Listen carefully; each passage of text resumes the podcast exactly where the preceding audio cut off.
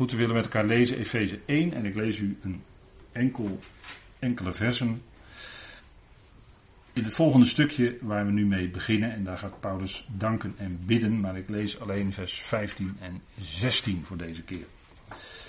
Efeze 1, vers 15, daar staat: Derhalve houd ook ik, horend van het geloof dat jullie aangaat in de Heer Jezus, en dat voor al de heiligen niet op te danken voor jullie, jullie in herinnering brengend in mijn gebeden. Tot zover. En we gaan vanavond kijken naar dit onderwerp, het geloof dat jullie aangaat. Dat staat in vers 15. En dat is goed denk ik om daarbij stil te staan dat het een heel belangrijk gegeven is in dit eerste hoofdstuk. Paulus stapt nu over van lofprijzing. Je zou kunnen zeggen vanaf vers 3 lezen wij in hoofdstuk 1 één grote lofprijzing van Paulus. En vanaf vers 15 lezen we gebed. Dus het hele hoofdstuk bestaat in, in wezen uit lofprijzing en gebed. En dat is natuurlijk geweldig, want als je deze dingen leert kennen, dan kun je ook niet anders dan God loven en prijzen om wie hij is. Een statement. Deze eerste, u kent misschien het boekje wel en anders is het nog te bestellen hoor. Het adres op de envelop van broeder AE nog is te bestellen. En als u het wil bestellen, wordt het u uiteraard kosteloos toegestuurd. Alle brieven van Paulus zijn voor de gemeente die het lichaam van Christus is. Dat is duidelijk geworden uit Bijbelstudie. Dat is niet een verzinsel of een uh, stelling van een mens a priori, maar is een resultaat van Bijbelstudie, gebed, Bijbelstudie, gebed enzovoort. En is dat daaruit voortgekomen. We kijken naar het adres op de envelop Paulus adresseert zijn brieven aan de gemeente die het lichaam van Christus is. Dat, dat horen u en ik ook bij. Dat is wereldwijd, horen wij ook bij. Petrus, Jacobus, Johannes, Judas, die schrijven aan de Israëlitische koninkrijksgemeente. En eventueel proselieten uit de heidenen die zich daarbij aansloten. Dus dat is een duidelijke, duidelijke indeling, denk ik. En duidelijk uh, iets dat blijkt als je de adressering leest van deze brieven. Kijk, wat doe je als er bij jou een envelop in de bus valt en je, je leest de adressering en je leest dat het voor de buren bestemd is. Wat ga je dan doen? Dan ga je die envelop niet openen en ga je niet lezen, want die brief is voor jou helemaal niet bestemd. Dus je gaat die brief deponeren bij de brievenbus bij de betreffende buren, waar die thuis hoort. En dat doen wij ook vanavond. Wij, wij ontvangen deze brieven van Paulus, de Efezebrief, daar lezen wij in, want die zijn voor ons bestemd. En die andere laten we keurig voor de groep waar die voor bedoeld is. En natuurlijk, de hele schrift is wel voor ons, maar gaat niet, meestal niet over ons. En dat is een heel belangrijk gegeven. Heel belangrijk punt als je de schrift leest om de schrift goed te leren kennen. Daar gaat het om. Hè? Dus we kijken goed naar het adres op de envelop. Jacobus, om maar een voorbeeld te noemen, die schreef aan de twaalf stammen in de verstrooiing. Nou, bij welke stam hoort u? Ik weet niet bij welke stam ik hoor. Dus is niet aan mij gericht in de, in de eerste plaats. Hè. Je kunt er wel uit leren, want ja, als ik nou uh, heb over Jacobus 3, hè, dan gaat het over de tong. Weet u wel, de tong. En dat is een vuur en dat kan heel, heel, heel, heel iets akeligs in beweging zetten. U weet wel, boze tongen en een lopend vuurtje. En uh, dat hoeft allemaal niet waar te zijn, maar dat is zo leuk om het te horen. En we zijn zo nieuwsgierig en we gaan helemaal niet na of het wel of niet echt zo is en dat soort dingen. Er worden ook allemaal dingen geroepen enzovoort.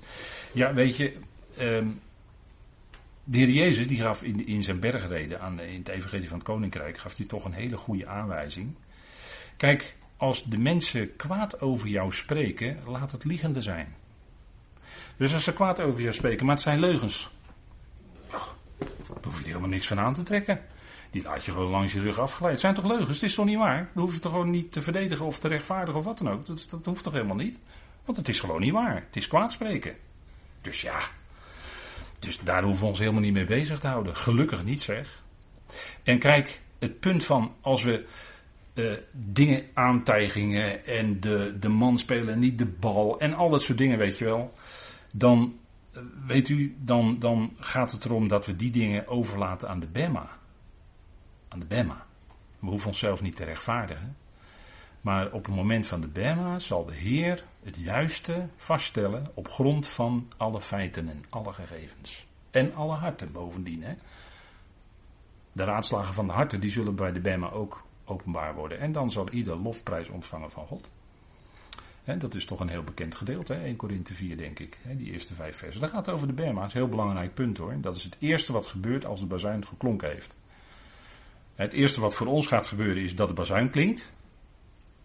je moet het niet omdraaien, dus eerst komt niet de grote verdrukking, nee. Eerst komt de bazuin van God en pas daarna komt de verontwaardiging van God, de grote verdrukking.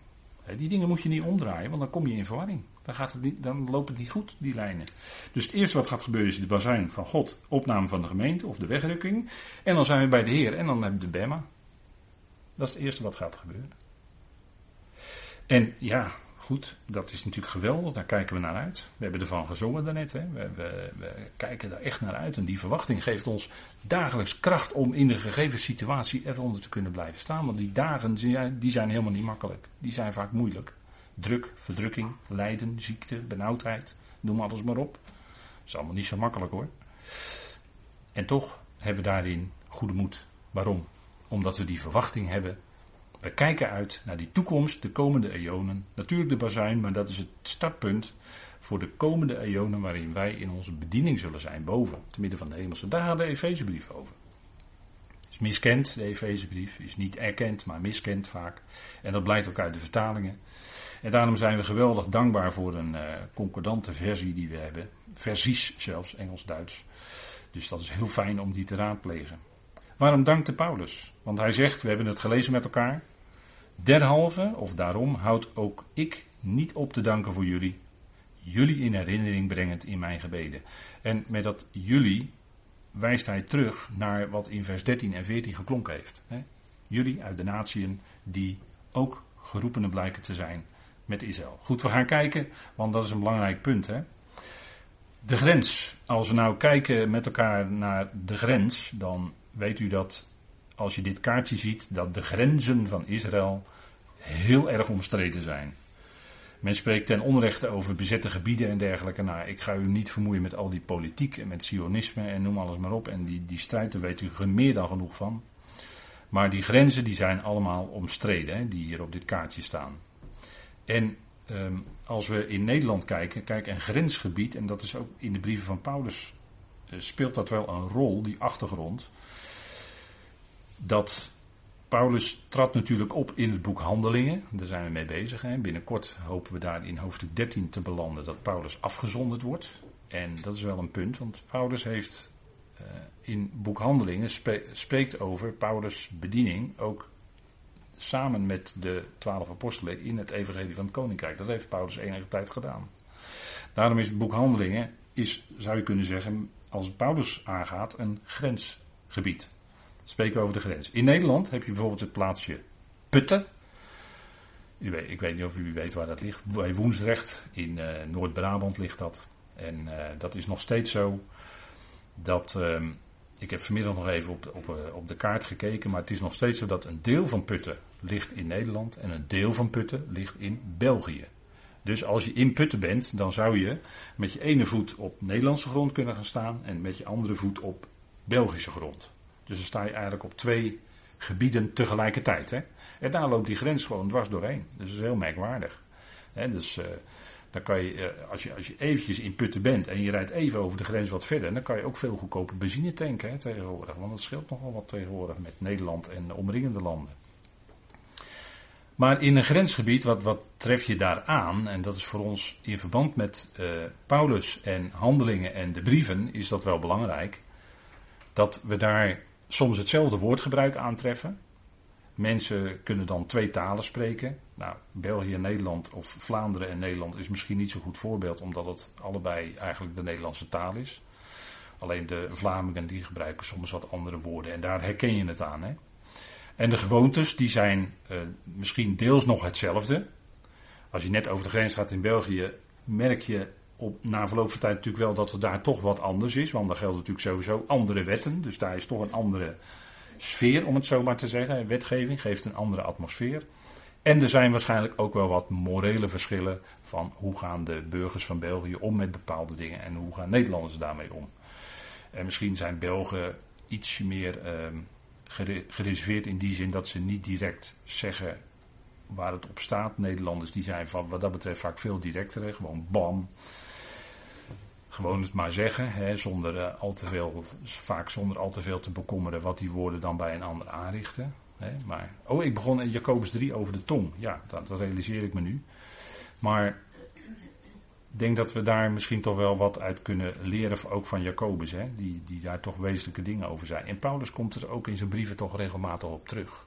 Wat wij spreken, zou niet uh, bijvoorbeeld, uh, een, voorbeeld uit de Efezebrief is, zou niet insinuerend zijn. Dat woord gebruikt Paulus dan. Geen insinuerende uitspraken. Maar wat wij met elkaar zouden spreken, zou waarheid zijn. En ieder met zijn naaste. Omdat het, hè, en omdat het genade geven aan degene die horen. Zo spreekt Paulus erover. Dat ook door onze woorden en door ons woordgebruik heen. En hoe wij de ander aanspreken. Dat ook daardoorheen dat evangelie van de genade blijkt. Dat is gewoon heel praktisch, hè? Dat, want ja, er zijn, ik weet niet hoeveel woorden die wij dagelijks spreken. Hè, misschien wel duizenden woorden spreken wij op een dag. En uh, vaak zijn we ons toch dat niet zo bewust. Dus ja. Maar het is ook in een grensgebied zo, hetzelfde woord gebruiken. En dan kunnen toch twee talen zijn. Als je natuurlijk uh, de grens opzoekt tussen Vlaanderen en Wallonië, zul je dat wat sterker merken. Want ja, in Wallonië spreken ze Frans en in Vlaanderen wat meer Nederlands natuurlijk. Hè. Dus dan zeggen ze misschien heel snel qu'est-ce Morele verschillen heb je ook. Kijk, Paulus die in handelingen als u, eh, ik, ik, ik hoop dat ik dat voor u duidelijk kan maken. In handelingen zie je dat Paulus eh, bepaalde dingen overkomt. En dat hij ook bepaalde dingen doet, of juist niet doet. En dat heeft dan te maken met zijn bediening in het Koninkrijksevangelie. En als het gaat om het boek Handelingen, zou je kunnen zeggen. Staat hij in die bediening van het Koninkrijksevangelie, want daar gaat het boek Handelingen ook over. Daarvoor is het geschreven.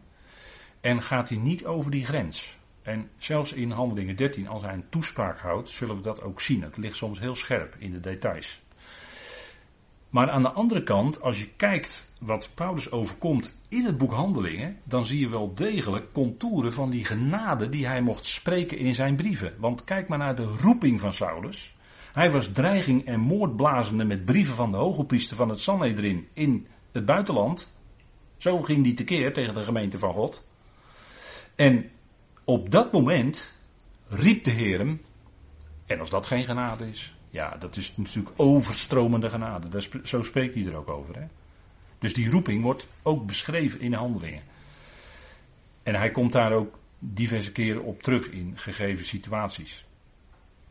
Een volgend punt is in handelingen, is de afzondering van Saulus en Barnabas. En dat gaan we zien in handelingen 13, waarin zij, als zij bezig zijn in de gemeente in Antiochië, waarin zij door de Heilige Geest afgezonderd worden. Dat woord wordt gebruikt, hè? Afzonderen. En dat is een heel belangrijk punt. Want dan zie je dat hij uh, met Barnabas gaat hij naar de natie toe. En dan komt hij ook bij pure heidenen. Niet bij de proseliet Cornelius, want dat was een proseliet, was geen pure heiden meer, want was al genaderd tot de God van Israël. Nee, dan gaat, komt hij bij uh, Elimas komt hij tegen, nee, maar dan komt hij bij Sergius Paulus. Dat was een pure heiden, een, een afgodendienaar. Niks proseliet. En dat, kijk, dat zijn de details waar je op moet letten als je boekhandelingen leest. Want dan zie je dat Saulus, Saulus wordt hij daar nog genoemd, maar daar wordt gezegd dat zijn naam veranderd werd in Paulus. En dat is ook direct na zijn afzondering, zie je ook dat zijn naam veranderd wordt bijvoorbeeld. Het zijn allemaal over die puntjes waar je op moet letten. Hè? En we zien daar de afzondering dat hij dan met het evangelie Zoals hij dat, en dat, dat ging de Heer steeds verder aan hem ook bekendmaken. Dat evangelie naar de natieën. Dat goede nieuws, wat Paulus mocht brengen. En we zien het bijvoorbeeld ook in de opwekking van Uitigus. die niks deed, die zat maar te slapen en die viel uit het raam, dood. En hij werd opgewekt door Paulus. hij viel vanaf de derde verdieping zo, pats. En hij werd opgewekt uit de dood. Ook daarin maar dat is wel een stuk verder in de handelingen. Ook daarin blijkt de genade in de bediening van de apostel Paulus. Dat, uh, dat zijn dus dingetjes die er wel blijken uit de tekst. Maar toch is het zo, in handelingen stapt Paulus nooit de grens over. En waar stapt Paulus dan wel de grens over? Waar, gaat hij, waar zet hij dan wel een duidelijke stap? En merk je dat hij in een ander gebied staat? Dat hij niet meer in het koninkrijksgebied staat, om het zo maar te zeggen, maar anders. Weer even het fotootje van Putten erbij. 1 en 2 Thessalonicense. Daarin zou je kunnen zeggen, stapt Paulus over de grens. Want als je die brieven leest, lees je een ander klimaat, om het zo maar te zeggen, dan handelingen. Zij ontvingen dat evangelie van de apostel Paulus. Hij, hij, spreekt dan over het evangelie van God in die, in die Thessalonicense brief. En zij ontvingen alleen. En het was genade. En Paulus spreekt ook in die eerste hoofdstukken alleen over genade, verwachting um, en liefde. Die drie facetten waren bij die Thessalonicense aanwezig. Paulus was daar waarschijnlijk drie of vier weken geweest. En had daar veel gepredikt. Er waren veel mensen tot geloof gekomen.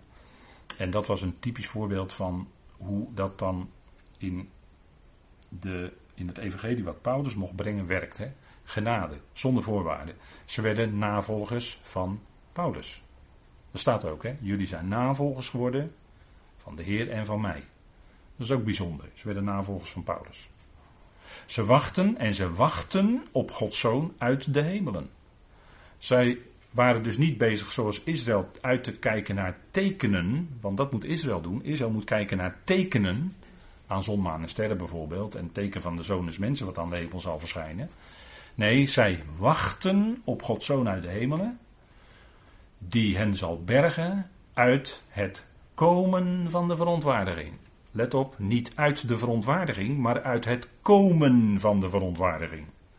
Je ziet als het ware in de verte die onweersbui komen. Hij is er nog niet. Het onweer barst nog niet los. En op dat moment worden we weggehaald. Dat is wat Paulus daar zegt. Moet je altijd, eh, moet blijven altijd graag scherp lezen. Hè? En dat is dus voordat de verontwaardiging van God losbarst. En die verontwaardiging van God uit zich voor Israël onder andere in grote verdrukking. Dat zijn allemaal dingen die we nu even dan zo zeggen. En als u de teksten erbij wil hebben, dan hoor ik dat wel. Ik kan u de teksten erbij geven. Daar gaat het niet om. Maar grote verdrukking komt pas nadat de gemeente, het lichaam van Christus, is weggenomen. En dan zegt u, ja, daar zijn de meningen over verdeeld. Ja, we zijn de meningen eigenlijk niet over verdeeld. Maar we lezen de schrift, we volgen de schrift. En als je 1 Thessalonicense volgt, dan lees je in het vijfde hoofdstuk dat wij gered worden voor de verontwaardiging. En staat, het vers wat ik net aanhaalde, hoofdstuk 1, vers 10, staat het ook. Dus ja, het is voor de verontwaardiging. Dat is wat Paulus schrijft. Dus luid en duidelijk lijkt mij. En daar houden we het toch maar op. dat, uh, ja. Kijk, een grensgebied. U ziet het blauwe lijntje tussen die twee voeten. Dan zie je aan de ene kant dus handelingen, bediening van het koninkrijk, bediening van het evangelie van het koninkrijk, wat Petrus en de apostelen en waar Paulus in het buitenland tijdelijk aan meewerkte. Dus de zogenaamde dubbele bediening van Paulus in handelingen. En dat maakt het voor veel mensen ongelooflijk lastig om dat goed te onderscheiden. Maar ga je dat goed onderscheiden, dan verdwijnen eigenlijk de problemen vanzelf. En die andere voet is dus wat je leest in zijn brieven. En die dingen moet je echt uit elkaar houden. Kijk, die voorbereidende brieven, zoals we die noemen, 1, 2 Thessalonicense, 1, 2 Corinthiërs, Galaten, Romeinen. Dat zijn brieven, zou je kunnen zeggen, van het grensgebied. Dan bevindt Paulus zich nog in het grensgebied. Hij is wel aan de kant van de grens van, hè, wat we hier op het plaatje zien, de rechterkant, hè, die rechtervoet, zijn brieven. Dus dan, ben je naast, dan sta je naast die lijn van het koninkrijk. Maar er worden nog begrippen, begrippen gebruikt. Er worden nog uitdrukkingen gebruikt die met handelingen te maken hebben. Eh, ik noem bijvoorbeeld een uitdrukking de gemeente van God. En dat is uh, misschien een lastige, maar kijk, dat is ook zo'n voorbeeld. Hè? Het wil natuurlijk niet zeggen, als wij in, eh, in het boek Handelingen, als wij het woord ecclesia lezen, hè, het woord gemeente. Dan wil het niet zeggen, dat wordt vaak natuurlijk in de christenheid wel gedacht, van ze lezen het woord gemeente in handelingen en dan denken ze dat het over ons gaat. Maar dat is niet zo. Dat is niet zo. Dat moet je onderscheiden. Daarom spreek ik vrij consequent, probeer ik te spreken over, als we het over handelingen hebben, over de koninkrijksgemeente. Dat is geen schriftuurlijke uitdrukking, dat weet ik wel, staat niet letterlijk in de schrift. Maar om het te onderscheiden van het lichaam van Christus, gebruik ik dat woord toch. En die verschillende gemeentes, dat is heel moeilijk. Kijk, Stefanus die zegt in zijn reden in Handelingen 7 dat die volksvergadering van Israël in de woestijn, dat was een ecclesia. Dat woord gebruikt hij dan, dat was een gemeente. Maar dat was Israël, wat verlost was uit Egypte en als groep in die woestijn was. En dat was een gemeente, dat was een ecclesia. Heeft niks met ons te maken dus, hè. Volgende is dat die geroepenen uit Israël, die gaan ontstaan vanaf de Pinksterdag, dat is de koninkrijks-ecclesia. Dat is de ecclesia. Die had maar één verwachting, dat aardse koninkrijk, wat door de profeten beloofd was. Anders was het er niet. Meer smaken zijn er niet hoor. Als je. Ja, nou, ik heb een voorbeeld, maar goed, dat laat maar. Dat is niet zo belangrijk. Maar zo wordt er ook gesproken, en dat noemde ik ook net zo, dat Paulus of Saulus was bezig te vervolgen wat de gemeente van God. Maar de gemeente van God is niet het lichaam van Christus. Dus dat is niet één op één het lichaam van Christus, die uitdrukking. Is, dat is misschien lastig. Maar de gemeente van God, en eigenlijk zegt die uitdrukking het al, de gemeente van God is een algemene uitdrukking van, die je kan leggen op al die ecclesia's die in de loop van de tijd uitgeroepen werden. Dus ook die volksvergadering van Israël in de woestijn was ook een deel van de gemeente van God. Want God is heel algemeen. Woord. Dat is ook zo met uitdrukkingen als het koninkrijk van de hemelen en het koninkrijk van God. Het koninkrijk van God is alomvattend. Zijn hele koninkrijk, zijn hele koningsheerschappij over alles. Heel de schepping. Dat is het koninkrijk van God. Maar het koninkrijk der hemelen is heel specifiek wat refereert aan Daniel, wat uit de hemelen op de aarde komt, naar Daniel 2 vers 44, en waar Matthäus als enige over spreekt. Direct koppelend aan Daniel. En dat heeft natuurlijk te maken met het koninkrijk wat zou komen. Vanuit Israël zal dat over de hele wereld komen. Maar dat is dus ook niet alomvattend, want dat is een koninkrijk over al die volkeren over de hele aarde, over heel de wereld. Maar dat koninkrijk van God is groter en het koninkrijk van God omvat ook alle hemelen en, en wat, daar, wat daar zich allemaal in beweegt. Dat is het hele koninkrijk van God, dat is veel groter. Dus dat even die verschillende uitdrukkingen. En dat is ook daar waar de, waar de God, waar God, overal waar God werkt als de plaatser, zo kun je het ook zeggen. Overal waar God werkt als de plaatser is het koninkrijk van God. En dan kun je van daaruit, als je dat weet, ga je ook begrijpen dat er soms in de, laten we maar zeggen, de evangeliën, aan de ene kant in Matthäus gesproken wordt over het koninkrijk der hemelen. En bijna dezelfde teksten in, in Marcus en Lucas spreken dan over het koninkrijk van God. Maar dan moet je goed in de context kijken waar het over gaat. En dan zul je zien dat die uitdrukkingen precies, exact, juist op de juiste plek staan binnen die context. Want je moet altijd kijken in het tekstverband waar het over gaat. Dus die gemeente van God is dus alomvattend. De Koninkrijksecclesia is die groep die uit Israël werd geroepen, die later eventueel nog werd aangevuld met proselieten uit de heidenen. Maar de gemeente die het lichaam van Christus is, en dat is een hele specifieke uitdrukking die Paulus alleen gebruikt, dat zijn u en ik, daar horen u en ik bij. Al die geroepenen in genade in de afgelopen 2000 jaar tot nu aan toe, en die nog geroepen worden, die horen bij het lichaam van Christus. Ieder die echt gelooft dat Jezus stierf en opstond, echt gelooft hè, echt gelooft. Niet traditioneel beleid dat, maar echt gelooft met het hart. En dat is geloof wat God geeft uiteraard. Maar die horen allemaal bij het lichaam van Christus. En die verschillende gemeentes zouden wij onderscheiden. Doe je het niet, dan zit je in de verwarring. We lezen dus dat soort uitdrukkingen in deze brieven, 1 en 2 Thessalonicense, Corinthiërs, Galaten, Romeinen. En dan is Romeinen de echte leerbrief van deze groep, om het zo maar te zeggen. Waarin echt het onderwijs door Paulus gegeven wordt. Laten we zeggen het basisonderwijs. Wat overigens al heel ver gaat hoor, want basis moet u niet al te bagatelliserend over doen. Nee, dat is heel wezenlijk dat wij de Romeinenbrief heel goed leren kennen en heel goed tot ons nemen. Daardoor gevoed worden en daardoor gaan groeien in ons geloof. Je kunt niet zomaar stappen naar de Efezebrief. Nee, je moet beginnen met de Romeinen en deze groep. En gelaten is heel goed als aanvulling. Maar dat zijn toch brieven van het grensgebied. Dat zijn voorbereidende brieven. Dus die hebben een wat ander karakter dan de brief waar we nu mee bezig zijn. En Colossense hebben we met elkaar ook mogen bespreken. Filippenzen. Dat zijn de zogenaamde volkomenheidsbrieven van Paulus. En deze brieven bereiden voor op die volkomenheid. In deze brieven bijvoorbeeld lees je nog niets over de hemelse roeping van het lichaam van Christus. Lees je niet. Je leest wel over de bazuin van God. En dat is natuurlijk al een duidelijke hint hè, in de eerste brief van Paulus die hij schreef. Daar wordt de toekomst van het lichaam van Christus al aangegeven, 1 Thessalonicense 4. En dan zegt u, ja, daarover horen wij niets in de kerken.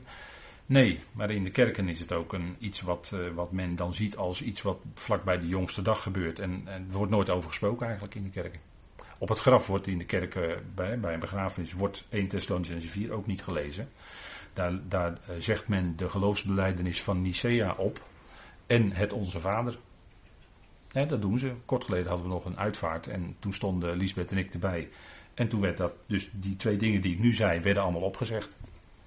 Dus dat is puur kerkelijk. Maar dat is niet wat Paulus ons als verwachting geeft.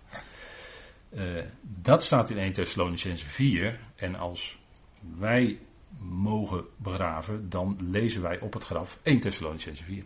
En dat is terecht. Want dat is de verwachting voor een gelovige.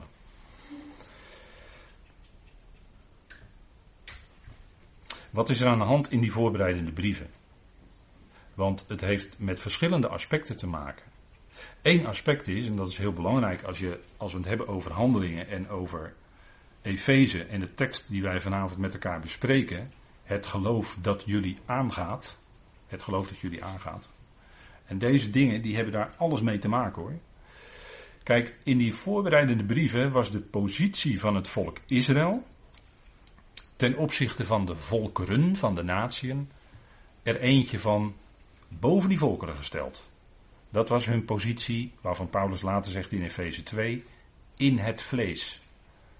Wordt altijd overheen gelezen, mensen merken dat niet op, maar het is ontzettend belangrijk dat hij dat in Efeze 2 vanzelf zegt en 12.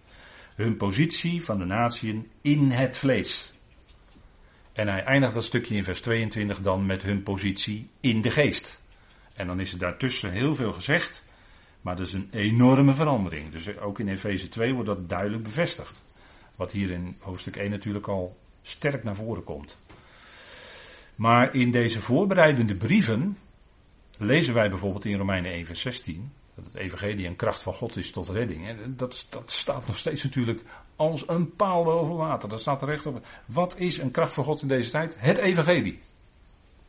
Dat is niet dat wij allemaal grote samenkomsten en grote sprekers gaan uitnodigen die dan wel heel fel en, en uh, vooral uh, retorisch heel goed verantwoord kunnen spreken. Nee, daar gaat het helemaal niet om. Daar gaat het helemaal niet om. Het gaat erom dat evangelie klinkt. Het goede nieuws, dat is een kracht van God. En als een boodschapper dat goede nieuws echt goed boodschapt, doorgeeft dus, dan klinkt daar dat evangelie van God. En dat evangelie van God is die kracht tot redding voor ieder die gelooft. En een boodschapper, nou dat kunnen wij allemaal zijn, zoals we hier zitten. Als je in gesprek raakt met iemand, terwijl je op de bus staat te wachten of op de trein, of uh, nou, treinen staken tegenwoordig. Morgen is ook weer treinstaking geloof ik, maar uh, dan kun je zomaar met iemand in gesprek komen. Of op het vliegveld moet je tegenwoordig ook heel lang wachten. Nou, kan je met iemand in gesprek komen. En dan kun je misschien iets van het evangelie delen. Weet jij veel waar diegene mee in, in het leven allemaal mee. En ieder overkomt ellende en lijden in het leven hoor. En dat kan een aanleiding zijn om, en dat hoeft niet per se, want je kunt ook naar de zon kijken en dan kan je ook zeggen, kijk die zon hè, dat is nou een beeld van God eigenlijk. Daar kan je zo mee beginnen, gewoon uit de natuur. Eventueel hè. En dan kan je die doorstap maken naar dat evangelie van God. En als je dat doorgeeft, dan is dat evangelie die kracht. En dan gebruikt God jou misschien wel op dat moment om die ander dat geloof te geven. Nou, dat, zo werkt God. En dan gaat het ook helemaal niet om ons, om wie dat dan doet of zo. Maar het gaat erom, dat leeft in je en dat geef je door aan een ander. Maar in Romeinen is het nog, en dat zegt Paulus nadrukkelijk erbij, op verschillende plaatsen, eerst de Jood en ook de Griek. Dat is nog de volgorde in Romeinen. Dat is nog Eerst die Jood, die staat bovenaan. Israël nog steeds als volk van God als koninklijk priesterschap, als licht van de natieën. En de heidenen of de natieën vielen daar dan onder. Hè? Dus die hadden een lagere positie in het vlees dan Israël. Maar dat ging veranderen. En ook dat is iets dat uh, weinig, of als u het mij vraagt, uh, te weinig onderkend wordt. Helaas, helaas. Het verschil, het grote verschil tussen Israël en de gemeente uit Israël en de gemeente die het liggen van Christus is. Het kolossale is natuurlijk dat men heeft gezegd dat de kerk in de plaats van Israël gekomen is, dat de kerk het geestelijke Israël is. Dat is een kolossale fout geweest. Met, uh, met enorm verstrekkende gevolgen. Maar vooral het geestelijke verlies wat daardoor geleden werd, is enorm geweest natuurlijk. Hè? En discriminatie van de Joden enzovoort. Het is allemaal schandalig wat er gebeurd is. En dat heeft te maken met die verkeerde, ja, ik zeg het woord dan toch maar even een keer, die verkeerde theologie. Want dat is echt een verkeerde theologie. Israël was bedoeld als koninkrijk van priesters en een heilig volk. Dat zullen ze zijn in de toekomst, want vergist u zich niet. Kijk, um, het is ook niet zo, want dat, dat is in, in bepaalde kringen. Ik zal namen, ik zal woorden, steekwoorden verwijden, uh, vermijden. Maar in bepaalde kringen is ook de gedachte dat de gemeente, daar gelooft men echt in de opname van de gemeente voor de grote verdrukking, dat is zo. Maar dan is het zo een tijdje daarboven en dan komt men na zeven jaar weer, of ruim zeven jaar weer terug. Met Christus op de Olijfberg, denkt men. En dan in, in het vervolg daarvan vult men dan ook in dat men dan ook koning en priesters is. Maar dan denk ik van, oh, wacht even. Uh, als de gemeente ligt van Christus, als die ook koning en priesters zijn. Hoe zit het dan met Israël? Die waren toch koning en priesters? Dat was toch de belofte aan Israël gegeven, of niet dan? Werd toch door Petrus nog herhaald is in 1 Petrus 2? Of, of, dan kom je weer op diezelfde toer, hè? Dan ga je dus weer Israël wegdrukken, want dan ben jij koning en priesters. Dat gaat, dat gaat natuurlijk niet.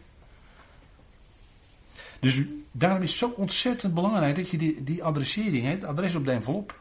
Als die brief niet voor jou bestemd is, ga je hem bij de, bij de buren hem deponeren in de brievenbus waar die hoort. Belangrijk. Voorbereidende brieven. Daarin is het nog eerst de Jood en ook de Griek. En dat verandert door de inhoud van de Efezebrief. En daarmee, in die volkomenheidsbrieven zou je kunnen zeggen, wordt het grensgebied definitief verlaten. Natuurlijk, die voorbereidende brieven, alle brieven van Paulus, blijf staan. Die zijn voor ons, voor u en mij. Helemaal. Alleen we lezen toch met onderscheid. We lezen met het onderscheid van, dat is het grensgebied, oftewel dat zijn voorbereidende brieven. Daarin is nog niet alles bekendgemaakt. In die voorbereidende brieven lees je niets over de hemelse roeping van het lichaam van Christus. Ook in de Romeinenbrief niet. Nee, dat is voorbehouden aan de Efezebrief. En dat wordt bekend verondersteld in Filippenzen en Colossense. Dat Colossense is een soort, bijna een soort tweelingachtige brief, maar dat zijn ook verschillen hoor. Er zijn duidelijke verschillen.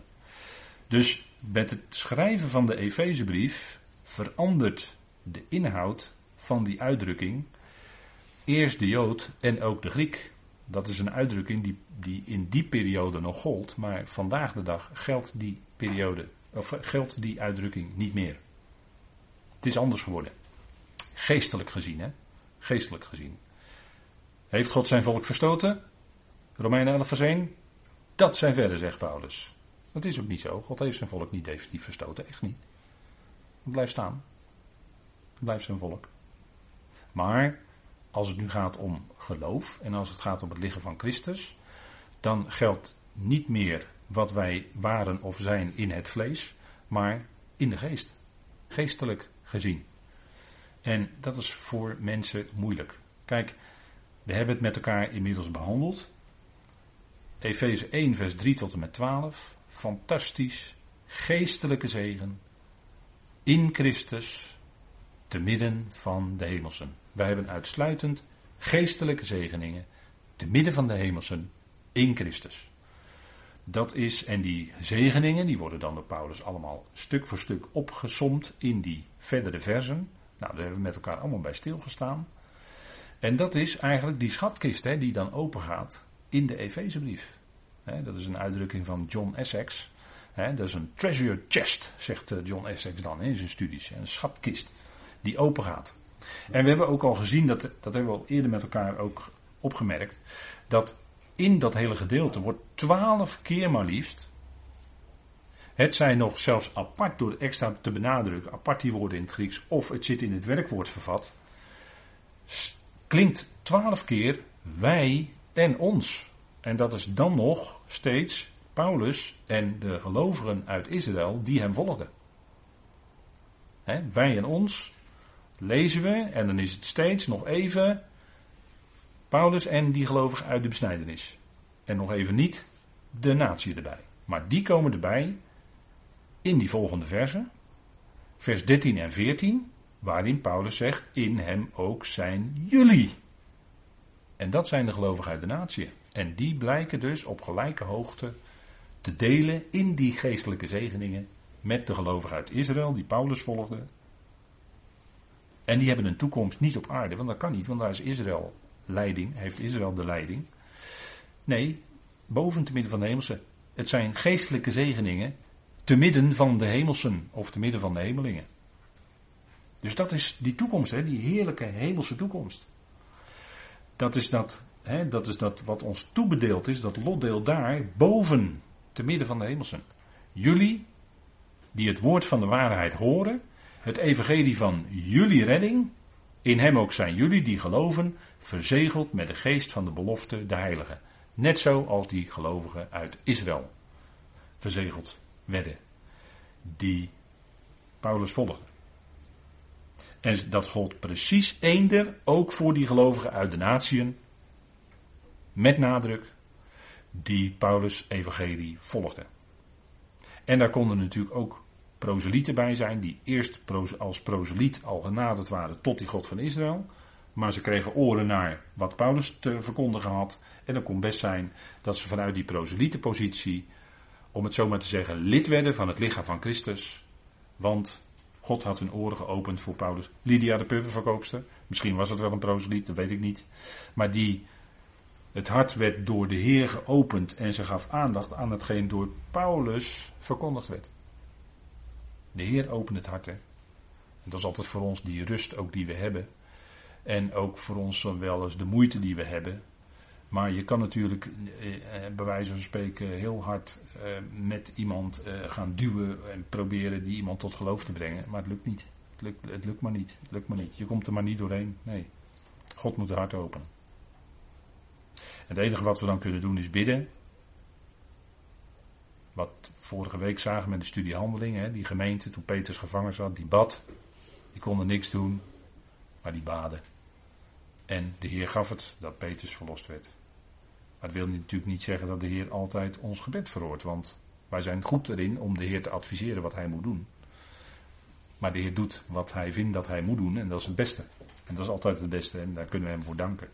Maar jullie, dat ook jullie, hè, daar gaat het hier om. In hem ook zijn jullie uit de natieën. En dat was ook de reden waarom Paulus dankte. In vers 15 en 16. Jullie, op gelijke hoogte. was een enorme onthulling die hij van de Heer had gekregen. Wat hij hier mocht opschrijven in de Efezebrief, want dat is natuurlijk door onthulling van Christus Jezus dat hij dit allemaal heeft kunnen opschrijven. Had hij natuurlijk nooit, dat, zoiets kon nooit in de mensenhart opkomen. Onmogelijk. Maar God bereidt het voor degenen die geroepenen zijn, die hem lief hebben. Nou, en dat is ontzettend fijn en belangrijk dat we dit beseffen. Kijk, gelovigen uit de natie, hebben met die uit Israël, dus die gelovigen, op gelijke hoogte, gelijkwaardig, deel aan hemelse geestelijke zegen uit Efeze 1, vers 3 tot en met 14. En dit zouden we eigenlijk, dit zinnetje zouden we eigenlijk uit ons hoofd moeten weten. dat, dat is zo ontzettend belangrijk. Geestelijk gezien zijn alle gelovigen vandaag de dag gelijk wij kijken niet naar onderscheid in het vlees. Wij kijken niet naar vleeselijke komaf. Maar ieder die geroepen is, die gelovig is, die deelt in diezelfde geestelijke zegen. En dat heeft niets te maken met ervaring, heeft niets te maken met geloofsgroei, heeft niets te maken met enzovoort. Nee, het is hier allemaal in genade geschonken. Overstijgende rijkdom van zijn genade is het, hè, waar we het over hebben hier. Want ja, die natieën die helemaal afhankelijk waren van Israëls roeping, van Israëls koning en priester zijn, van Israëls licht, wat zij ontvangen hadden in de Torah en in de Tenach. wat is het voordeel van de Jood en het nut van de besnijdenis? Nou, zegt Paulus, allereerst dat aan hen de woorden van God zijn toevertrouwd. En wat is het, dat analoog kun je daar nou zeggen, wat is het voordeel en het nut van de gemeente die het liggen van Christus is? Nou, allereerst dit, dat aan hun rijke geestelijke zegeningen zijn toevertrouwd en het evangelie wat Paulus verkondigt. Dat is het evangelie wat Paulus verkondigt. Ook. Dat is een, een, een deel ervan. Genade, verzoening, rechtvaardiging, hemelse roeping, een bediening te midden van de hemeling in de komende eonen. Wat denkt u ervan? Dat is allemaal het evangelie van Paulus. Dat is, dat is het evangelie van Paulus hoor, als we daar nou over hebben.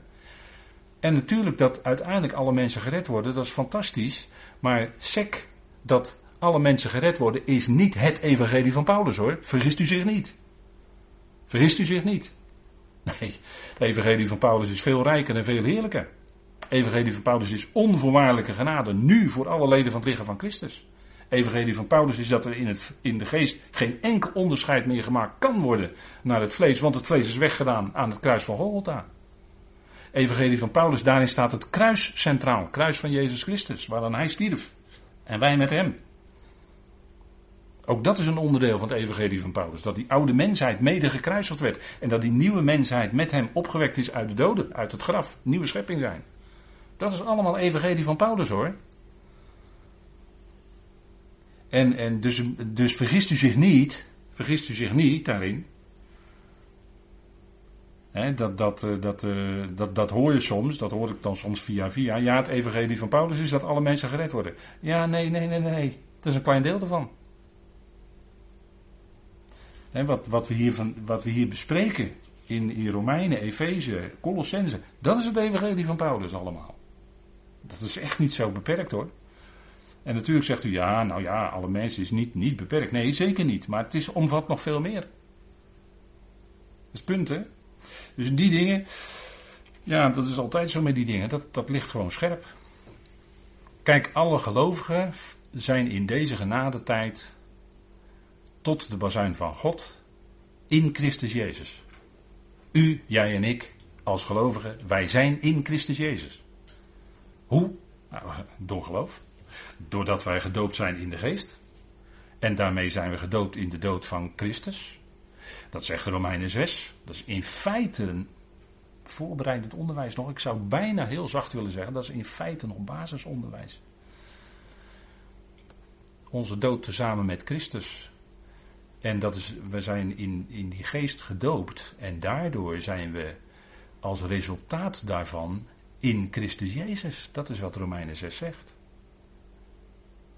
Bedenk, bedenk dat Romeinen 6 niet spreekt over de waterdoop. Of wordt soms water genoemd in Romeinen 6. Ziet, leest u daar het woord water? Ik lees het niet. Het gaat er ook niet over. Het gaat om daar om de rijke zegen, de rijke geestelijke aspecten van het tezamen met Christus mede gekruist, begraven en opgewekt zijn. Daar gaat Romeinen 6 over. De doop in zijn dood, daar wordt ook over gesproken. Dat is wezenlijk. En dan zijn er geen verschillen meer na het vlees. Hè. Na het kruis, na het kruis, zijn er geen verschillen meer naar het vlees, want dat is allemaal mede gekruisigd weg. Dat is heel radicaal hoor. Dus we gaan geen onderscheid, geen verschillen meer poneren naar het vlees. Hè? Want zo is dan wie in Christus, prachtige teksten, een nieuwe schepping. Het oude is voorbij gegaan, zie, het nieuwe is gekomen. Dat is dan geweldig, hè? Dat is, dat is geweldig natuurlijk. God ziet ons zo als een nieuwe schepping in Christus. En zo kunnen we ook naar elkaar kijken. Als in Christus. Allemaal broeders en zussen die we ontmoeten, die zijn allemaal in Christus. En als zodanig onberispelijk, onbesmet, geroepen, uitgekozen voor de nederwerping van de wereld. Alsjeblieft. Wat een rijkdom, hè? Wat een rijkdom.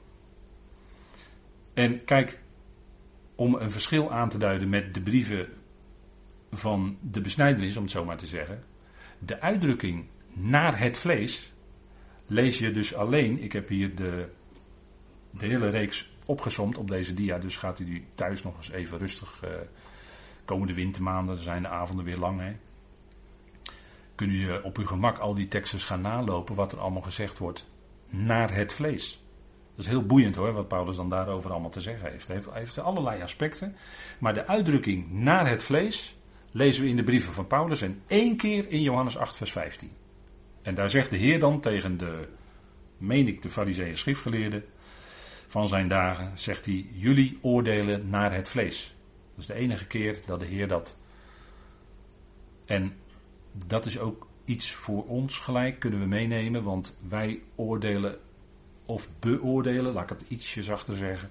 Wij beoordelen de ander toch ongemerkt vaak toch nog een beetje naar het vlees. Weet u wel? Beoordelen naar het vlees. Maar we zouden geestelijk naar de ander kijken. En dat is wat ik net aanreikte, wat we heel goed weten. Dat is allemaal herhaling.